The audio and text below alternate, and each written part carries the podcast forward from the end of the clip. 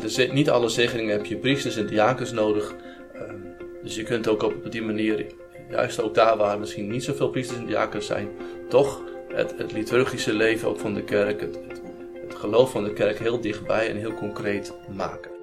Deze podcast is een initiatief van het Centrum voor Parochiespiritualiteit en katholiekleven.nl.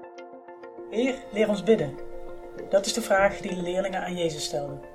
Misschien ben je bekend met bidden, misschien ook niet. Hoe dan ook, er is altijd meer te leren en te ontdekken. Wil je weten hoe gebed je leven kan veranderen? In deze podcast nemen we je mee in de rijke gebedstraditie van de katholieke kerk. Wij, dat zijn Mirjam Spruit van het Centrum voor Parochiespiritualiteit en Daphne van Roosendaal van katholiekleven.nl. Onze vaste gasten zijn Samuel Gooivaarts en Arjen Dultsma. Samuel is docent liturgie en sacramenten aan de Tilburg School of Catholic Theology. Arjen is pastoor in Bolsward en vicaris van het bisdom Groningen-Leeuwarden. Welkom Arjen, Sam. De vorige keer hebben we het uh, gehad over zegeningen. Um, we hebben gezegd dat jullie het heel graag over zegeningen wilden hebben. Nog steeds. En maar liefst, Nog steeds. We hebben er maar liefst twee afleveringen voor uitgekozen. Waarom? We denken dat zegeningen. Kijk, we hebben al ook vorige keer gezegd dat. Uh, hoe, hoe, mooi ze zijn. Maar ze lijken wel een beetje, um, wat, wat de liturgie dan betreft, ook van de zegeningen, wat, wat een ondergeschoven kindje. Dus um, er gebeuren wel uh, links en rechts wat zegeningen. Maar het zit toch niet duidelijk als we aan liturgie denken, dat we denken aan de zegeningen.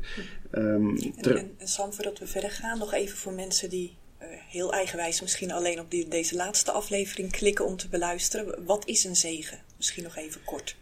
Een zegen wil zeggen dat we, um, ja, zoals het Latijn zegt, benedicere, het, het, goede aanzeggen. En eigenlijk staat een zegen helemaal um, in die, um, die dynamiek tussen God en mens, waarbij uh, God voor mensen sinds de schepping het goede wil.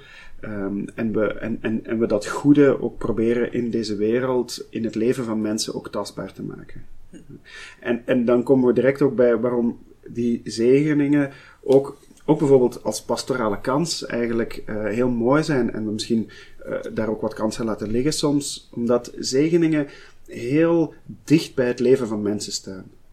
Uh, omdat het gaat over, um, over personen, over gebeurtenissen, over voorwerpen die gewoon ook in het leven van elke dag um, klein zijn of wat groter zijn, waarbij we Um, we hebben natuurlijk in de kerk onze officiële liturgie en de sacramenten. De zegeningen zijn daar onderdeel van. En we kennen natuurlijk allemaal hè, doopsel en eucharistie en vormsel en eerste communie. En, en dan moet je catechese volgen en dan is er een bepaald traject. En dan zijn er ook bepaalde voorwaarden vaak tot de toegang van die sacramenten.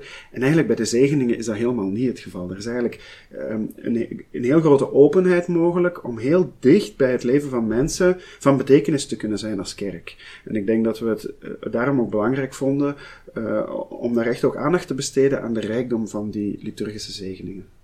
Ja, ik eerder heb gezegd, hè, dus het geloven gaat niet per se over het spectaculaire. Dat, dat kan soms een deel van uitmaken, maar het gaat over het hele gewone van elke dag, het gewone van het leven. En eigenlijk voor al dat gewone in het leven is er wel zegen. Uh, spontaan moet ik even denken aan dat veel mensen ook, ook huisdieren hebben. Um, bijvoorbeeld een hond. En je ziet het zelfs wel zodanig dat de hond bijna deel van de familie is en ook op de rouwadvertentie komt, zo wezen. Nou, daar kun je over nadenken. Maar, maar niet te min dat ook wel eens de, gevoel komt van, hoe kunnen wij dat ook tot de uitdrukking brengen? En heel soms krijg je dan wel eens de vraag, die we altijd moeten weigeren, kan de hond ook gedoopt worden? Nee, dat kan niet. Maar je kunt wel de hond zegenen.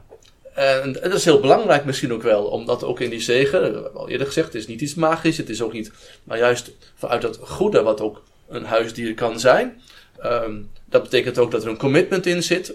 Ook voor die hond goed te zorgen. Uh, als hond overigens, niet als mens.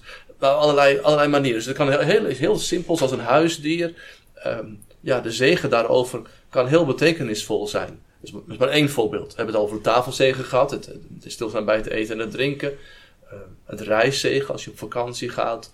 Uh, misschien wel een heel lange autoreis gaat maken. In Zuid-Frankrijk of zo weet ik veel waarheen nou ja, dat schijnt wel eens een uitdaging te zijn. Dan is het ook, ook goed om, om ook daar Gods nabijheid en, zijn zegen voor te vragen. En het, het toont misschien ook een andere dus de liturgie van de zegeningen toont misschien ook een ander beeld van de kerk dan het beeld dat men toch wat vaak heeft van de kerk als afstandelijk en ver van de mensen en met veel regeltjes. En, terwijl de zegeningen eigenlijk het beeld uh, of een kerk laten zien en een kerk tot uitdrukking brengen die uh, bijvoorbeeld heel erg uitnodigend is als, als je om een zegen vraagt aan de kerk, dan zal er nooit gevraagd worden, ja, en hoe vaak kom je naar de kerk? En, en eh, er, er, ik bedoel, iedereen is in principe welkom om gezegend te worden, ook, ook niet-gelovigen, ook mensen die misschien helemaal niet zo uh, recht in de leer zijn. Uh, eigenlijk kan je altijd mensen zegenen, omdat je net het goede wilt voor, um, voor die personen of voor die voorwerpen. Het, is, het, is ook, het, geeft ook, het is ook een vorm van diaconie, zou je kunnen zeggen. Het is naar buiten gericht. Veel van onze liturgie en sacramenten zijn een beetje eh, naar de eigen club toe. In de doopsel vergroten we onze club en, en bij de biecht maken we onze club terug zuiver. Ja? Um, maar de, de zegeningen ja, gaan eigenlijk ook de band met het leven aan, met de cultuur, met de maatschappij, met de dingen die gebeuren. Het, het is ook een, een, eerder dynamisch gebeuren. Het is niet zo dat het altijd dezelfde gemeenschap is die samenkomt voor bepaalde zegeningen.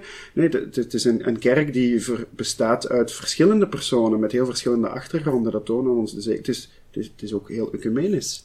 Je kan eigenlijk ook zegeningen prima in een ecumenische context uh, uh, ook uh, gestalte geven in de liturgie. Dus. En wie, wie, wie zegent er dan? Wie, misschien wie mag er zegenen?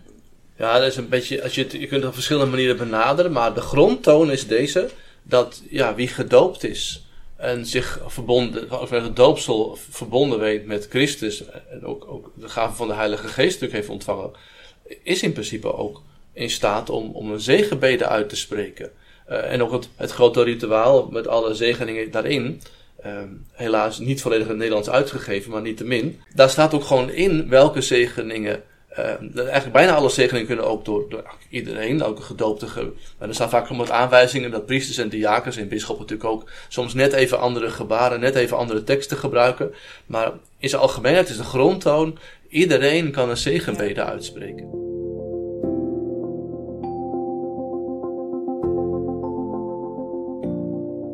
Vandaag dus ook over die zegeningen die in het zegeningenboek staan. Terwijl we de vorige aflevering wat meer gesproken hebben over die Precies. wat ja, informele maar, zegeningen. Maar beide gebeuren eigenlijk, zoals Arjen zegt, op grond van het doopsel. In, in het doopsel zijn we opgenomen in het lichaam van Christus. En en hebben we ook zelfs die taak, zeggen ook de ja. conciliedocumenten, uh, de priesterlijke taak. Dat zijn misschien een beetje zware woorden, maar kunnen we vanuit ons doopsel ook die priesterlijke taak vervullen om Gods aanwezigheid in deze wereld zichtbaar en tastbaar te maken en aan te zeggen voor anderen en voor de wereld rondom ons. Dat is eigenlijk een beetje onze roeping als gedoopte. En dat is de, de grond en het fundament om um, niet alleen een beetje die spontane zegeningen, hè, als je naar de gebedsmatrix kijkt, dan zitten we dan wat, we vorige keer wat gesproken over een eigen invulling die je kan geven, hè, een kruisje op het voorwoord, een kort gebed voor het eten. Uh, maar je hebt ook uh, ja, een, een, voorgegeven invulling, een ontvangen invulling van de liturgie van de zegeningen, die voorzien wordt door de kerk, maar waar ook daar, zoals Arjen zegt, eigenlijk altijd voorzien wordt voor heel wat zaken. Dus bijvoorbeeld zaken voor liturgisch gebruik, um, die worden meestal voorbehouden voor de priester of zelfs de bisschop om te zegenen. Uh, maar uh, de meeste zegeningen van, uh, van, van personen, van, van zieken, maar ook van, van voorwerpen, kunnen prima gebeuren door afhankelijk van de context. En dat is misschien ook wel dat belangrijk. Is het, het beeld van de kerk, wat je net al noemde, hè, dat, dat speelt hier denk ik ook.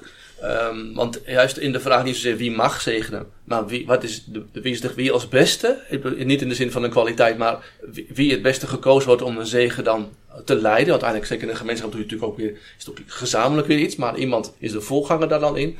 Dan is eigenlijk de vraag, ja, onze, onze kerk, kijk, elke gemeenschap heeft ook als het ware een, ja, ik zeg maar even een soort van leider, een vader of een moeder zou je kunnen zeggen. Dus in het gezin, als het op reis gaan, ligt het voor de hand dat vader of moeder de zegen uitspreken. Want zij, zij, hebben, zeg maar, zijn het hoofd van het gezin. Zodra als je als een geloofsgemeenschap bij elkaar bent, bijvoorbeeld als parochie, dan ligt het voor de hand dat of de pastoor of een andere priester, of als het niet is, een diaken of pastoraal werker, die, die, die zegen uitspreekt. Of als je met, met de catechesegroep bij elkaar bent, dan is het bijvoorbeeld de catechist. Precies. Die, dan moet je daarvoor niet de priester invliegen, ja, dat doen we al heel vaak. Maar dan kan het eigenlijk ook de catechist, die wekelijks of regelmatig met de kinderen op weg gaat, die dan eigenlijk ook de zegen, uh, een zegengebed leidt. En je ziet bijvoorbeeld ook dat als je dus als bijvoorbeeld stel de zegen van de palmtakken, wat normaal gesproken natuurlijk tijdens een Eucharistievering gebeurt, dan ben je als parochie binnen liturgie bij elkaar. Kijk, dan is het dan niet meer de vraag wie mag zegen. Dan zie je ook van, oké, we zijn als parochie officieel liturgisch bij elkaar. Dan is het dus de, priester, en als de bisschop er is, de bisschop die zegen. Er zit wel wat, het gaat over hoe onze kerk in elkaar zit en hoe, we ook, hoe die kerk ook met elkaar mogen vormen en hoe dat ook als het ware een beeld geeft van wie we als kerk zijn. Dat is ook iets wat je dan met elkaar in die viering van de zegen ook uitdrukt. Daar moet je altijd wel even op letten. Ja, uiteindelijk is het hier veel meer de vraag van, niet zozeer van wie mag wel en wie mag niet, hè, omdat net het doopsel, eh, het doopsel dit trouwens ook, misschien is dat wel de basiszegening, hè, van, van, van waaruit alle zegeningen die we geven of ontvangen ook, uh, ook vertrekken. Hè. Um, maar is, het, is de doopsel het, eh, de grond en is het afhankelijk van de, de context van de groep waarin je samen van ook een stuk de, de, de, mogelijkheden en de capaciteiten die er zijn. Um, uh, goed om te onderscheiden wie er um, uh, de zegen kan geven.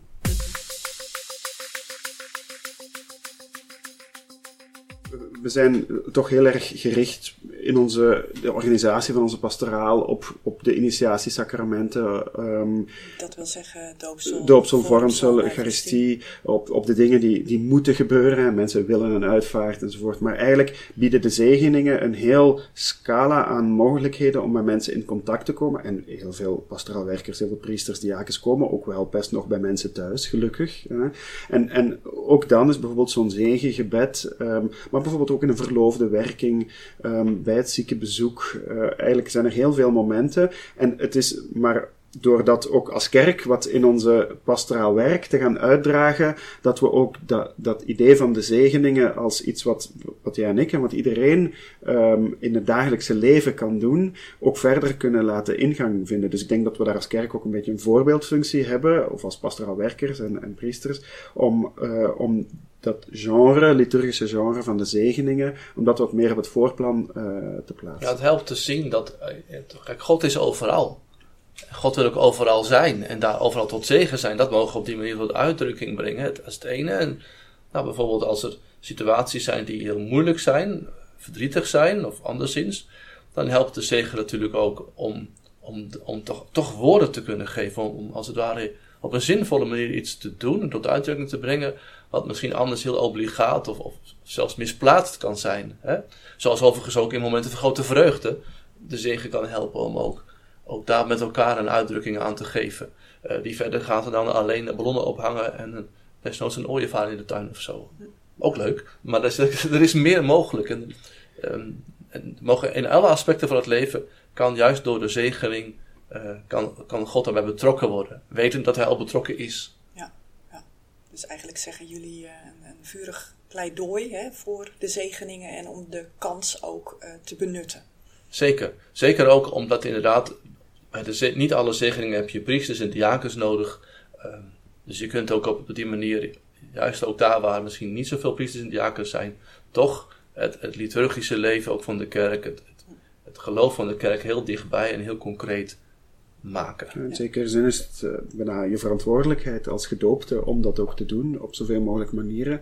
En dan eh, zijn die zegeningen, um, het zij in de voorgegeven vorm van de liturgie van de zegeningen, die, die best heel wat mooie um, uh, ankerpunten geven en een mooie richting geeft. Het zij in een meer spontane vorm van, van gebed, is dat een, een hele mooie manier om, om um, om God werkelijk hier en nu en in elke situatie van het leven mm -hmm. uh, ter sprake te brengen. En, uh...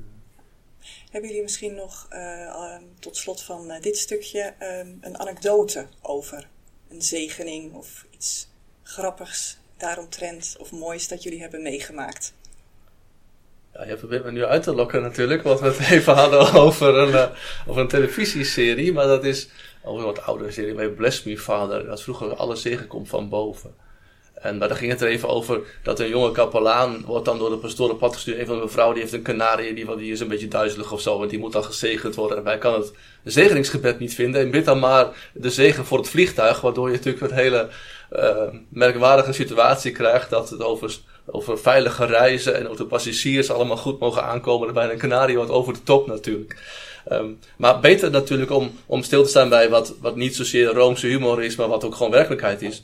Uh, bijvoorbeeld de huiszegen, die wordt af en toe nog wel gevraagd. Het is eigenlijk iets heel moois als mensen een nieuw huis betrekken. Um, dat, we, dat, dat er gevraagd wordt, wil je het huis zegenen? Waarbij nadrukkelijk ook, nou, we hebben het al heel even genoemd, um, ja, maar, als er een, soort van begin wordt gemaakt met het bewonen van dat huis. Um, en dat ook een besef is, ja, dit huis mag een thuis zijn. Hier mogen we op adem komen. Van hieruit mogen we ook weer vertrekken naar, plekken om, om daar een zegen te zijn, om terug te komen. In dit huis kunnen weer mensen ook arriveren als gasten. Of misschien ook wel als weer als, als volgende, als, als, als extra bewoners of zo. Dat kun je allemaal heel mooi uitdrukken, waardoor dat huis als een thuis ook een, een plek wordt van geloof, van, van ook Christusontmoeting, maar ook een, plek van, ja, waar je als, als mens midden in die samenleving staat en blijft staan. Interessant is dat we ook wel eens, pastoraal gezien, diezelfde huiszegen gebruiken daar waar mensen, eh, door wat voor reden ook en, hoe ook gemotiveerd, bij hun huis uh, aarzelingen voelen. Soms heb je wel mensen die, die de uitdrukking brengen uh, dat, ze, dat ze boze geesten of, of anderszins zich ongelukkig voelen in het huis. En um, een gevoel hebben van, dat, ja, soms zeggen ze bezeten of weet ik allemaal wat. Uh, er zijn allerlei verschillende formuleringen voor. En soms weet je niet zo goed wat het is, maar wat we eigenlijk altijd als eerste wel eens doen, uh, voordat we allemaal zwaardere dingen van staal halen, is gewoon met de mensen het huis zegenen. En, en nog eens tot uitdrukking brengen, maar dit huis, en daar kun je ook bijwater bij gebruiken, wat natuurlijk wel gewoon is, hè, als, uh, bij dit soort van zegenen, om het tot uitdrukking te brengen, ja, maar hier, hier is God ook, en hier wil God ook zijn. En uh, bijna altijd is dat genoeg. Dat geeft dat mensen uh, ook, ook die, het weten van die zegen, weten van Gods nabijheid, weten van het gebed van de gemeenschap, dat ze met een nieuwe gerustheid en ook een nieuw plezier in het huis wonen. Dat is natuurlijk heel mooi. Ja. Ik, moest zelf denken, en Arjen heeft er ook al even naar verwezen, uh, bij ons in de parochie en in vele parochies men wel nog de gewoonte om uh, zo rond uh, 4 oktober, het feest van heilige Franciscus, om een dierenzegen te organiseren. En dan zie je toch wel dat daar best heel veel mensen naartoe komen. Soms mensen die je eigenlijk de rest van het jaar niet ziet. net omdat het, ja, en dat bedoel ik ook met dat het ons kansen geeft als kerk om, om dicht bij mensen te zijn en wat mensen ook belangrijk vinden, hè, hun huisdier, uh, hun ziek kind, uh, om, ja. dat, om, dat, om daar ook Gods zegen voor te vragen. En ik denk dat we dit, of het nu één keer per jaar een, een dierenzegening. Op, op regelmatige tijd bijvoorbeeld een zegen voor, um, voor verloofden. Je kan uh, elke drie, vier maanden zou je in de parochie een zegen voor zwangere vrouwen kunnen, uh, of zwangere koppels, uh, kunnen organiseren.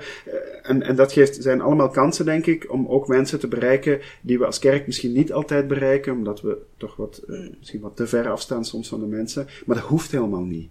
En ik denk dat die zegeningen daar een heel mooie um, manier voor kunnen zijn om, ja. om zo naar buiten te treden. Ja. Het is heel mooi dat jullie in, in andere afleveringen ook uh, veel hebben gesproken over het getijdengebed. En dan verbind je dus eigenlijk de tijd met, met je relatie tot God. En nu gaat het eigenlijk over ruimte. En de, en de mensen die zich in die tijd en die ruimte bewegen. Dus heb je eigenlijk alle dimensies heb je, heb je besproken daarmee. Maar je kunt ook nadenken over zegening van de tijd en zeker ook van het liturgisch jaar. Uh, bijvoorbeeld in de adventsperiode je kunt de adventskans kun je zegenen. Je kunt richting de kerst kun je uh, ook de kerststal zegenen, met name ook het kindje Jezus beeldje. Of de kerstkalender met de chocolaatjes. Dat kan ook nog natuurlijk. En maar voor deze anderen ook officiële gebeden beschikbaar. Uh, zeker ook in de kerkgemeenschap hebben we de, de gewoonte om, om rondom voor Maria Lichtmis, hè, opdracht van de tempel, is af en toe nog de, de, de kaarsenzegen. Hè. Daar kun je natuurlijk ook als prochie wat mee doen. Um, rondom de, uh, rondom Pasen schiet nu te binnen, met name ook bijvoorbeeld in de Poolse gemeenschap wordt het paasontbijt specifiek gezegend. Um, dus zo kun je dus door de, door de tijd heen, uh, 15 augustus, Maria ten Hemelopneming, is in sommige streken een kruidenzegentraditie. Dus je hebt, je hebt heel veel momenten door het jaar heen. Uh, dat je niet zozeer de tijd zegent, maar wel vanwege de, de, moment in de tijd uh, tot, tot bepaalde zegengebeden komt. Dat heeft een hele grote rijkdom. als we willen leren bidden, is het interessant om te horen hoe andere mensen bidden. En daarom hebben we in elke aflevering ook iemand gesproken die uh, vertelt over uh, zijn of haar eigen ervaringen met gebed. Ook in deze aflevering hebben we iemand gesproken en gevraagd: uh, bidden, hoe doe jij dat? Vind je het makkelijk? Vind je het moeilijk? Is het goed te doen om er tijd voor te vinden? Of is dat, is dat lastig? Dus bidden, hoe doe jij dat? ik ben Maudi, ik ben 23 jaar. Ik ben geboren en opgegroeid in Rosmalen, uh, ligt naast een bos. En sinds 2016 studeer ik in Nijmegen, daar studeer ik geneeskunde. En ik ben er ook naartoe verhuisd, dus daar ja, zit ik op kamers. Ik kom nog vaak in Rosmalen terug. Um, ik hou van voetballen, saxofoon spelen, creatief bezig zijn, bakken en koken. Uh, en daarnaast hou ik van zingen. Ik zing in de koor in de kerk. Ik ben misdienaar, al een jaar of 16 geloof ik. Um, en ik ben actief bij Jong Bisdom Den Bosch. Als, uh, ja, ja, vroeger was het het jongerenplatform, nu heet het het kernteam. Uh, die onder andere ja, activiteiten voor jongeren organiseert binnen het bisdom. En daar ja, draag ik aan bij. Hoe maak jij tijd voor, voor bidden? is dat makkelijk of is dat moeilijk? Um, nou, op zich, het, het tijd maken voor bidden vind ik af en toe best een uitdaging. Um, het is wel een beetje met de paplepel ingegoten om voor en na het eten te bidden. Dus we hadden thuis ook zeven verschillende gebedjes of liedjes of dingen die we konden zingen. Dus elke keer voor en na het eten hadden we altijd iets anders. Um, en dat kon dan ja, een leuk liedje zijn wat we eigenlijk op, ja, op kinderleeftijd al geleerd hebben. Dus ook redelijk makkelijk en redelijk laagdrempelig. En dat doe ik eigenlijk nog steeds. Ook op mijn werk en stage uh, hou ik toch wel even een momentje stilte. Dus dat zit eigenlijk een beetje ingebakken. En ik probeer eigenlijk elke avond in bed um, ook nog even ja, te bidden. Maar dat is dan niet echt een, een langere periode of zo, een langere tijd. Meer om God even te danken voor de dag. Um, of voor iets wat er die dag wel of niet goed is gegaan. Of um, te vragen om steun of iets voor de volgende dag. Of om te bidden voor iemand anders. Maar ik merk wel dat dat eerder in, in de tijdspannen van minuten zit dan een kwartier gaan zitten en uitgebreid bidden. Want dat lukt mij gewoon niet zo heel goed. ik merk dan dat als ik echt wil gaan bidden, dat ik dan snel, dan dwalen mijn gedachten af naar iets anders. Dus ik begin met iets. En dan op een gegeven moment denk ik, oh wacht, ik moet weer even terug naar het bidden waar ik eigenlijk mee begon. En dan ben ik intussen over iets heel anders alweer na gaan denken. Um, dus ik merk dat ik dat soms nog best wel een uitdaging vind. Maar ik, ik doe mijn best. Maar hoe doe, hoe doe je dat dan? Uh, sla je een kruisteken in bed of zo? Of uh, heb je vaste gebeden? Of is het gewoon een gesprekje? Um, het, is, het is meer ja, ik sla wel een kruisteken en ik vouw ook mijn handen om toch even het, moment te markeren van nu begint mijn gebed als het ware. Um, en dan, ja, ik denk dat het meer als een soort gesprekje klinkt. Ik doe het hardop om mijn aandacht in elk geval beter bij te kunnen houden. Dus ik, ik praat gewoon. En dan is het meer, ik praat meer tegen hem alsof, ja, tegen God, hem, alsof het een soort vriend is aan wie ik wat vertel en wat wil vragen. Eh, want dat is ook een beetje hoe ik mijn relatie met God zie. Als iemand die het beste met mij voor heeft en mij daarin wil helpen en ondersteunen. En dat is ook de manier waarop ik, waarop ik dus bid. Um, en het is niet per se een, vast gebed. Ik probeer al af te sluiten met of een Onze Vader of een Wees gegroet. Ligt ook aan de maand. Um, en nou ja, op die manier probeer ik dat een beetje te doen. Ik heb nu wel voor mijn verjaardag, ik was recentjarig, heb ik een dagboek gekregen met 365 nou ja, dagen. En dan elke dag een Bijbelvers met een stukje tekst ter overweging. Dus ik wil wel proberen om er iets meer een standaard iets van te maken. Uh, en dan ook over ja, wat dingen wat dieper na te denken. En ik hoop dat dat dagboek mij daarbij gaat helpen. Is het ook een verlangen dat je hebt om beter te leren bidden, om meer te bidden? Uh, ja. ja, op zich, nou ja, beter bidden. Ik weet niet of je het heel erg fout kan doen. Want dat is, soms hoor ik mensen die zeggen, ja, ik ga bidden. En dan ga ik een uur bidden en dan hebben ze ook, dan krijgen ze antwoord van God. En dat vind ik zelf heel lastig. Dat ervaar ik niet zo heel erg op die manier. En ik hoef ook niet per se direct antwoord te krijgen of te hebben. Maar ik wil wel graag wat, ja, wat beter worden in bidden. Of mijn aandacht er langer bij kunnen houden. Of ja, toch wat, wat dieper over geloofsdingen soms nadenken. Want ik merk dat ik soms gewoon wat snel eroverheen ga. En dan dat ik achteraf denk van ja, eigenlijk wil ik er wat dieper over nadenken. Maar ik weet ook niet zo goed hoe. Dus ik hoop wel dat dat, dat boekje mij daar wat bij gaat helpen. Om in elk geval wat meer ja, verdieping in mijn gebed te hebben. Zeg maar. Ja, mijn vraag is ook, waarom is bidden voor jou belangrijk? Daar zeg je eigenlijk al iets over. Ja, uh, nou ik vind dus, bidden is voor mij in mijn geloof niet het primaire uh, ding om te doen, zeg maar. Ik, ik merk dat in mijn geloof ik het meer uh, vorm geef door nou, bij een koor te zitten, door misdienaar te zijn, door me probeer, ja, ik probeer te leven zoals Jezus ons dat heeft aangeleerd. Dus je medemens helpen en ehm, nou ja, niet kwaad doen. Niet, zeg maar de standaard dingen, heel cliché eigenlijk. Ehm, en dat is hoe ik ook mijn geloof ervaar door vanuit andere mensen. Door dingen die ze doen, die ze zeggen, door dingen die je meemaakt. Maar ook het mooie weer en de vogeltjes die je hoort als je s ochtends vroeg op de fiets zit. Ehm, maar het bidden helpt mij, is, ja, helpt mij om dat op die manier te doen. Dus om behulpzaam te zijn en het dienstbaar opstellen. Het is een ondersteuning, zeg maar. Ik denk heel veel na, uh, maar ik vind bidden dus best lastig. En ik geef mijn geloof meer vorm door dingen te doen. Dat is, nou ja, en het bidden ondersteunt daarbij. Ja, maar ik kan me ook voorstellen dat als je een, een, drukke dag hebt en je hebt van alles meegemaakt en je hebt dat moment s'avonds van, van uh, gebed, dat je dan eigenlijk aan dingen overdag denkt um, die er dan meer uitspringen van, van goede dingen of dingen die net niet goed zijn gegaan of dingen waarvan je denkt van mm, voor die persoon moet ik eigenlijk even iets meer aandacht hebben. Ja. En dan op die manier helpt het jou bij ja, ja. Je, je, leven leidt eigenlijk. Ja, ja precies. Of om uh, me ook kracht te geven als ik weet dat bijvoorbeeld een, een dag daarna een, een moeilijk gesprek met iemand komt of dat er iets iets gaat gebeuren wat ik lastig vind, dan vraag ik ook om, ja, ondersteuning en kracht en de, de goede ingeving om de goede dingen te doen. Ehm, dus ja, echt meer op die manier. Maar ik ken ook mensen die bijvoorbeeld echt bidden om, om advies te vragen. En dat vind ik heel lastig, omdat ik het idee heb als ik bid, dan heb ik soms meer het idee dat ik tegen God praat dan met God. En dat vind ik niet erg, want ik ervaar de manier waarop hij iets teruggeeft, dus door andere mensen, door wat zij doen en zeggen tegen mij. Ehm, maar ja, dus het, ik, ik vraag dingen en ik dank voor dingen, maar ik krijg niet zozeer, een, voor mijn gevoel in elk geval, niet zo direct een antwoord. En ik ken mensen die dat wel hebben en dat is heel mooi. Maar dat, ja, dat heb ik op die manier dus niet echt. Als jij mensen um, die helemaal niet weten wat bidden is, die helemaal niet gelovig zijn, als je die moet uitleggen van wat, wat het is, hoe zou je dat dan doen? Um, ja, een beetje wat ik, wat ik net zei. Ik heb dus zelf soms het idee dat ik meer tegen God praat en dan ergens in de periode daarna op een bepaalde manier een soort antwoord krijg dan direct op dat moment. Um, want wat, hoe bidden vaak omschreven wordt, is praten met God. Uh, en dat vind ik dus lastig. Maar het is wel, ik vind bidden een manier om aan je band met, met God te werken. Um, en daarbij heb je ook, we hebben, ik heb heel lang bij een kinderkoor gezeten en daar zongen we altijd als je als je zingt, een beetje voor twee. Dus ik vind zingen een hele goede manier om het geloof echt te ervaren. Ehm, en ook op een manier te bidden, dus om een band met God op te bouwen. En bidden zelf ehm, is een soort van investeren en even stilstaan bij wat, wat doe ik en waar ben ik dankbaar voor. En wat, ja, wat gun ik andere mensen en wat zou ik zelf graag willen. En daar, daar kun je in je gebed om vragen als je zegt bij het zingen, dan ervaar je uh, geloof. Ja. En het is een manier om aan je band met God te werken. Maar wat ervaar je dan?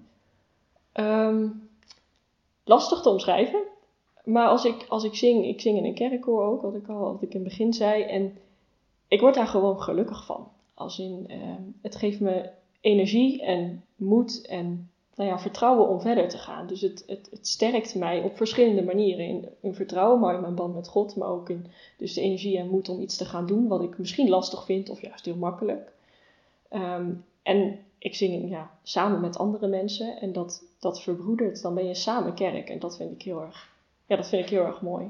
Mm Zo ben ik ook ooit uh, in Thésée geweest in Frankrijk. Dus een, nou, voor de mensen die het niet kennen, een gemeenschap een ecumenische gemeenschap die hun levenswijze hebben opengesteld voor jongeren. Dus je kan daar naartoe en dan kun je een week mee in het leven van die broeders. Dus je gaat drie keer per dag bidden en heb je een soort ja, mis en gebed. En je doet daar ook taken in dat klooster als het ware.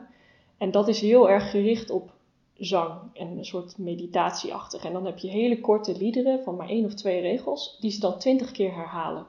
En dat brengt mij heel erg veel rust. En ja, ik heb daar hele goede ervaringen mee. Dat vind ik gewoon heel, heel waardevol. Dat, dat laat mij voor mijn gevoel dichter bij God komen. Nou, ik heb ooit een keer, dat was, het was wel bij een biecht, maar dan doe je ook een gebed. Ehm, ik had gebiecht en toen kreeg ik de zegen van de, van de priester die bij mij de biecht had afgenomen. Ehm, en die had het over het licht van God wat over mij mocht gaan schijnen. En we zaten in een redelijk donkere kamer met wat kaarsjes. En ik had het gevoel alsof ik licht gaf. Dat, was, dat vond ik een heel mooi moment. En dat was eigenlijk mijn eerste keer biechten dat dat deed. En ik vond dat ja, een hele bijzondere ervaring. Dus ik denk dat dat mijn mooiste gebedsmoment is.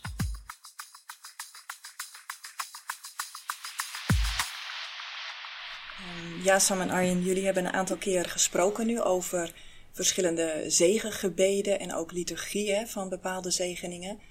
Misschien is het een uh, goed idee om een zegen eruit te nemen en gewoon eens de opbouw te bekijken. En uh, ja, dat jullie dat ook wat van uh, commentaar kunnen voorzien. Ja, dus die, die, zegeningen in het liturgisch boek van de zegeningen, um, die, die, hebben eigenlijk altijd een vaste structuur. Je hebt enerzijds een, een, opening en een inleiding, um, die eigenlijk een heel herkenbare uh, aanroeping is. Um, en dan, en dat is een, eigenlijk eerste belangrijk deel, eerste gedeelte, opnieuw ook, we hebben het al enkele keren gezegd in andere afleveringen, uh, het belang van het woord van God. Dus elke zegening heeft ook een meestal relatief korte uh, schriftlezing. Hè. Maar het woord Gods wordt wel verkondigd. Um, en dat is toch ook wel belangrijk. Dan kan er eventueel een heel korte woordje, homilie, maar dat hoeft zelfs niet, uh, volgen. Um, je kan dan ook een, een, psalm zingen of een, een lied zingen, uh, maar uh, via eigenlijk, dat is een soort tussenstukje in de vaste liturgie van de zegening, uh, volgt erna het woorddienst. De woorddienst volgt er ook een, een smeekgebed met verschillende intenties die je ook kan aanpassen naar gelang de omstandigheden. Je hebt in het rituale enkele voorbeelden daarvan, uh, maar je kan die ook uh, aanpassen. En dan, en dat is eigenlijk het tweede belangrijke onderdeel, volgt dan het eigenlijke zegengebed. Dus, dus in de liturgie een, een voorgeschreven gebed dat um, eigenlijk ook heel vaak um, in de breedte gaat, zoals, zoals Arjen ook al gezegd heeft. Uh, bijvoorbeeld als we een specifiek voorwerp zegenen, maar dan wordt ook het, gebruik door mensen van dat voorwerp wordt eigenlijk allemaal meegenomen in dat gebed, dat vaak ook begeleid wordt nog door een handeling die ook wat kan verschillen. Liturgie is altijd uh, woorden, maar ook gebaren, handelingen, rituelen. Dat kan een heel klassieke, wat we ook kennen uit het Oude Testament, de handeling van uh, de handoplegging, de handen opleggen. Uh, het kruisteken, uh, al dan niet met wijwater. In sommige gevallen kan er ook wierook gebruikt worden. Ja, dat is toch ook wel een, een, een rituele handeling. En dan een, een, heel kort slot. Het kan nog met een lied zijn. Um, een afsluiting eigenlijk van het gebed. En dat is een beetje de vaste structuur van elk zegengebed. Ja, jullie, uh, jullie wilden ook eentje als voorbeeld nemen. Ja, we dachten we kunnen misschien wel de zegen van volwassenen die ziek zijn dat wel, dat is dus niet de ziekensalving, dat is het sacrament. Uh, en dat is natuurlijk aan de priester voorbehouden, aan de bisschop. Maar dit, dit gaat echt over de zegening van een volwassen zieke. Dat betekent dat er ook wel teksten zijn voor kinderen die ziek zijn, maar we laten ons even bij de volwassenen houden. Even, even misschien wat kort doorheen kijken. En het interessante is dat, dat voor het begint al de opmerking wordt gemaakt: als het nodig is, pas je het aan. Dus dat relativeert ook meteen al wat we al zeiden. De kerk is trouwens met de ziekensalving ook zo, het sacrament van de ziekensalving. Er is een grote gevoeligheid voor concrete situaties. Um, dit, soort, dit soort zegens worden natuurlijk veelal bij een ziekbed gebeden. En dat is niet in de kerk, dat is niet, dan kun je niet alles aan je hand zetten. Dus je past je ook aan naar de omstandigheden, ook naar de, hoe ziek iemand is, of, of heel moe iemand wel niet is. Dus dat is al heel belangrijk, dat de, ook het pastorale daarvan kijkt naar de situatie. Nou, en dan begint natuurlijk zo'n zegen eigenlijk altijd het mooiste is. Er staat ook bij, als de gemeenschap bijeen is. Het mooiste is om het samen te doen. Nou ja, op een ziekbed kan niet altijd, op een ziekenkamer kan niet altijd honderd mensen zijn, maar met een groepje mensen proberen bij elkaar te brengen. En dan is het natuurlijk met het kruisteken beginnen. Dat is eigenlijk altijd zoals het gebed begint. En dan zie je ook al meteen in dit rituaal dat, dat er een verschil wordt gemaakt. Als de priester er, of de diaken er is, dan is het vele zij u en alle die hier wonen als een groet. Dus dan zie je ook al meteen weer die verbreding. Niet alleen hè, iedereen die hier woont, iedereen wordt betrokken. Nou, mocht het zo zijn dat een niet-gewijde, dus een leek, de bedienaar is, dan krijg je een andere tekst, broeders en zusters, laten wij de Heer prijzen, die weldoende rondging en alle genas. Dus een iets andere formule, maar dat... En beide zijn ook in dialoog. Hè? Dus de Steeds voorganger, dialoog. of het nu een priester, diaken of een leek is, hè, die heeft een openingszin en de verzamelde gemeenschap, het huisgezin of wat reageert. En dat is toch ook wel belangrijk, in, zeker in de vernieuwde liturgie van de zegeningen, dat er ook heel erg is ingezet op het, het samen, het actief deelnemen uh, van, van alle aanwezigen en op het aspect ja, het van de gemeenschapsliturgie. Het mooie is dat het antwoord hier is, gezegend zijt gij, God in alle mensen. Of in alle eeuwen. Alle eeuwen. God, gezegend zijt gij, God in alle eeuwen. Dus dat is meteen al die de zegen. Maar nu zegenen we God even in die reactie. Nou, wat er dan gebeurt is dat in ieder geval de bedienaar wordt opgeroepen, dus degene die het zegengebed leidt, om het te introduceren. Er wordt een tekst aangereikt Maar je hoeft dat niet zo te zeggen. Je kunt eigen woorden gebruiken. Maar de bedoeling is wel, ik zal toch maar even voorlezen wat er interessant is, waar, de kerk op duidt. Onze Heer Jezus, die weldoende rondging en alle ziekten en kwalen genas, heeft zijn leerlingen de opdracht gegeven om zorg te hebben voor de zieken, hen de handen op te leggen en in zijn naam te zegenen. In deze viering willen wij onze zieken aan God aanbevelen, zodat zij alle pijn van lichaam en geest geduldig kunnen verdragen, vanuit het besef dat zij delend in de smarten van Christus ook zullen delen in zijn vertroosting. Het is dus, zoals die inleiding duidelijk maakt, geen magische bezwering voor genezing of zo. Nee, het gaat over bijstand, over aanwezigheid, over het samen dragen van het lijden. En dat typeert ook wat die zegeningen eigenlijk doen. En het perspectief van de verrijzenis. Hè? Dus en het, het, het, en het, de compassie, het meelijden. Wij lijden met Christus mee, Christus lijdt met ons mee. Even simpel gezegd. Nou, dan komt de lezing uit de Bijbel. Er worden, ik zal ze niet voorlezen, een aantal suggesties gegeven. Maar je kunt natuurlijk ook, stel, de ziek heeft een lievelingsverhaal. Oh, ja, why not? Hè? Dus da- daar is natuurlijk alle ruimte. De Bijbel is dik. Eh, en daar kun je veel uit kiezen. Het is prachtig om dat, om dat te doen. En ik kan me ook voorstellen dat, kijk, als je met een grote groep toch in een progiezaal of in een kerk zit, dan moet je het een beetje formeel houden. Maar heb je iets gelezen, bijvoorbeeld het verhaal van, van de zieke die dat het lievelingsbijbelverhaal heeft, waarom niet, als het kan, als de, als de energie er is, als, als het, hè, een kort gesprek erover voeren? Waarom niet even uitwisselen, waarom raakt dit, waarom doen we dit nu? Dat, dat, hè, in een strikte preeksetting doe je dat natuurlijk helemaal niet, maar in een huiselijke setting, in een gezin, waarom niet? Als het ruimte is, als het kan. En dan krijg je inderdaad die gebeden. En misschien is het wel goed om er toch een paar van, van te lezen, even de smaak te pakken te krijgen. Ehm, ik, neem gewoon een paar. Laten wij met vertrouwen bidden tot onze Heer en Verlosser Jezus Christus, dat u onze zieke troost schenkt met zijn genade en zeggen wij, Heer, sta deze zieke bij met uw genade. Dat is dan het antwoord. Dat is het antwoord. Gij zijt gekomen als een geneesheer van lichaam en geest om onze kwalen te genezen. En dan volgt weer het antwoord. Deze vind ik een hele mooie hier.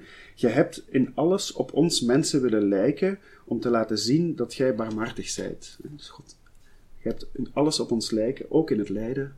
Dus die band telkens met het lijden van Christus. Ja, en bijvoorbeeld nog iets verder. Gij hebt uw moeder, die stond naast het kruis, in uw smart laten delen en haar als moeder aan ons gegeven.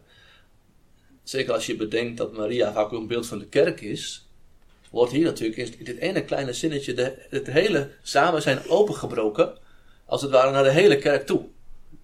Ook hier weer een, vorm van compassie. We zijn hier niet alleen in het kleine kringetje, we zijn hier verbonden met de hele grote gemeenschap. En tegelijkertijd zegt de inleiding op die smeekgebeden zegt ook, eh, kijk, uit de hierna volgende intenties kan de bedienaar kiezen wat het meest geschikt lijkt en kan ook andere toevoegen die misschien betrekking hebben op de omstandigheden. Dus een heel flexibele, eh, contextueel aanpasbare vorm van liturgie. Een andere die ook wel heel mooi is, afhankelijk van. Hè, dus ik- even achter elkaar, hele korte aanroepingen. Het gaat erover, Heer, bekommer u om deze zieke. Geef zijn lichaam nieuwe kracht. Uiteraard als de vrouw is haar. Hè. Verzacht zijn pijn, bevrijd hem van zonde en bekoring. Nou, sta alle zieken bij met uw genade. Ook altijd belangrijk, de kerk heeft altijd de neiging om steeds weer open te breken naar verdere situaties. Hou het, je bent bij elkaar in het kleine, maar besef, er is meer. Er zijn meer zieken. En volgt verleen allen die voor hem zorgen uw goddelijke steun. Schenk leven en heil aan deze zieken, nu wij hem de handen opleggen in uw naam. Ook, dat is een andere vorm van dat smeekgebed. Maar het geeft wel heel erg de, de toon aan. En dan staat erbij, dan zegt de bedienaar, als hij priester of diaken is, het zegensgebed, wanneer hij eventueel alle zieken tegelijk, of eh, of aan ieder afzonderlijke handen oplegt, dus God een handoplegging bij. En dan zou de priester zeggen, Heer onze God, gij hebt uw zoon in deze wereld gezonden om onze kwalen te doorstaan en zelf onze smarten te dragen. Wij smeken u voor uw dienaren die ziek zijn, dat ze gesterkt in het geduld en bemoedigd door de hoop hun ziekte te boven komen door uw zegen en door uw hulp een voorspoedige gezondheid genieten door Christus onze Heer. Dat is zeg maar dan het, het, het, Dat is het zegeningsgebed. eigenlijke, dat is het eigenlijke waarbij dus Ja. een handeling, hè, zoals de handoplegging, of een, een kruisteken, of als het een grote groep is, hè, dan kunnen de handen ook uitgestrekt worden. Ehm, is- ook het rituaal voorziet hier verschillende mogelijkheden, Ja. hè, maar waar dus woorden en handeling eigenlijk ja, doen waar, het, waar we het al de hele tijd over hebben. Dus Gods zegen vragen, het goede vragen voor uh, in deze moeilijke, in dit geval moeilijke omstandigheid. Maar het kan ook in andere situaties een, een blije gelegenheid zijn. Kijk, een leek zou een iets ander gebed bidden en legt niet de handen op, zie ik hier, maar maakt een kruisje op het voorhoofd. Maar wel dat, dat lichamelijke en dat aanraken is wel heel belangrijk. Ja. Ja. Dat hoeven we denk ik niet allemaal voor te lezen. En dan kun je nog eventueel een wezen goed bidden. En dan is een, een, een slot, zoals we eigenlijk altijd met een zegenbeden voor iedereen afsluit. Heel klein, je kunt het heel klein, je kunt het heel groot maken. Ja. Ehm, en aanpassen naar gelang de context en de situatie. En zo zijn er dus voor heel veel, dit was nu misschien een niet zo aangename gebeurtenis bij, uh, bij, bij ziekte, uh, maar voor, voor heel veel personen, maar ook voorwerpen, gebeurtenissen, uh, kan je zo een zegengebed vieren als liturgie. in de huiskring, in de kerk, in het veld, waar um, heel dicht, opnieuw heel dicht bij het leven van mensen. Ja. Mooi, mooi om te horen. Ik moet zeggen, ik heb er zelf ook veel over geleerd, over zegeningen. En ja, ik denk ook wat meer na, denk ik, over gebeurtenissen of ja, bepaalde situaties om ook zegeningen te vragen. Ik moet zelf bijvoorbeeld ook denken aan een vriendin die 40 werd en die wilde graag een zegen daarover. En uh, ja, dat was ook heel mooi om dat met een groep vrienden te doen en daarna ook haar verjaardag te vieren. Dus dat bijvoorbeeld hè, als een. We komen nu aan het einde van deze reeks Weg van de liturgie, het tweede deel over bidden en leren bidden. We hopen natuurlijk dat dit ja, jullie als luisteraars ook zei, heeft geholpen in jullie gebedsleven of om dat misschien wat meer te ontdekken. En misschien een laatste vraag aan jullie beiden, Sam en Arjen. Is er nog iets dat je de luisteraars wil meegeven? Of iets wil zeggen? En jullie het laatste woord? Nou, ik zou zeggen, zoals ik al vaker zeg, vooral gewoon doen. Uh, bidden, uh, ook het gebedsleven, uh, eigen maken, ook, ook met, met, eventueel ook gebruik maken van al die zegeningen. Ja, het begint ermee om het gewoon te doen en te ontdekken. Dat is toch het belangrijkste. Ja, mooi, dankjewel. Sam? Ja, en daarin ook ontdekken wat, um, wat jou ligt. ik denk wat we ook hebben proberen te laten zien in deze reeks, is dat er heel veel manieren zijn om je tot God te richten, om als individu, als gemeenschap, als kerk, uh, je, die relatie met God echt uh, te onderhouden, sterker te maken, te verdiepen. Um, dus ik zou zeggen, gebruik die rijkdom en dat aanbod um, en uh, Gods zegen. Nou, een betere afsluiting kan denk ik niet, Daphne. Aan jou dan het allerlaatste woord. Ja, we zullen zien, want uh, we hadden ook elke keer een tip van uh, uh, zuster Angela Holleboom uit Megen over bidden. En zij heeft tip 7 van 7 voor ons. De zevende gebedstip, zegenen. Het Latijnse woord voor zegenen, benedicere, betekent goed zeggen en staat tegenover maledicere, vervloeken. Je kunt ervan opknappen als iemand een goed woord voor je over heeft. Dat doet je goed en doet je je goed voelen. Maar een lelijk woord kan fnuikend zijn en kan je afbreken. Franciscus heeft ervaren hoe krachtig de uitwerking van een goed, maar ook van een lelijk woord kan zijn. Daar bestaat het volgende verhaal over. Franciscus' vader hield innig van zijn zoon. Maar toen Franciscus steeds meer zijn eigen weg zocht, schaamde zijn vader zich over hem. Zijn zoon bedelde en zag eruit als een lijk door zijn strenge boetedoeningen. Zijn vader voelde zich diep gekwetst door hem, zozeer dat hij hem vervloekte, waar hij hem ook maar tegenkwam. Toen Franciscus dat merkte, vroeg hij een arme man om met hem mee te gaan. Hij zei tot hem, wanneer je merkt dat mijn vader mij vervloekt, en ik tegen jou zeg, zegen mij, vader, moet je het kruisteken over mij maken en mij in zijn plaats zegenen. Het kruisteken is een teken van zegening.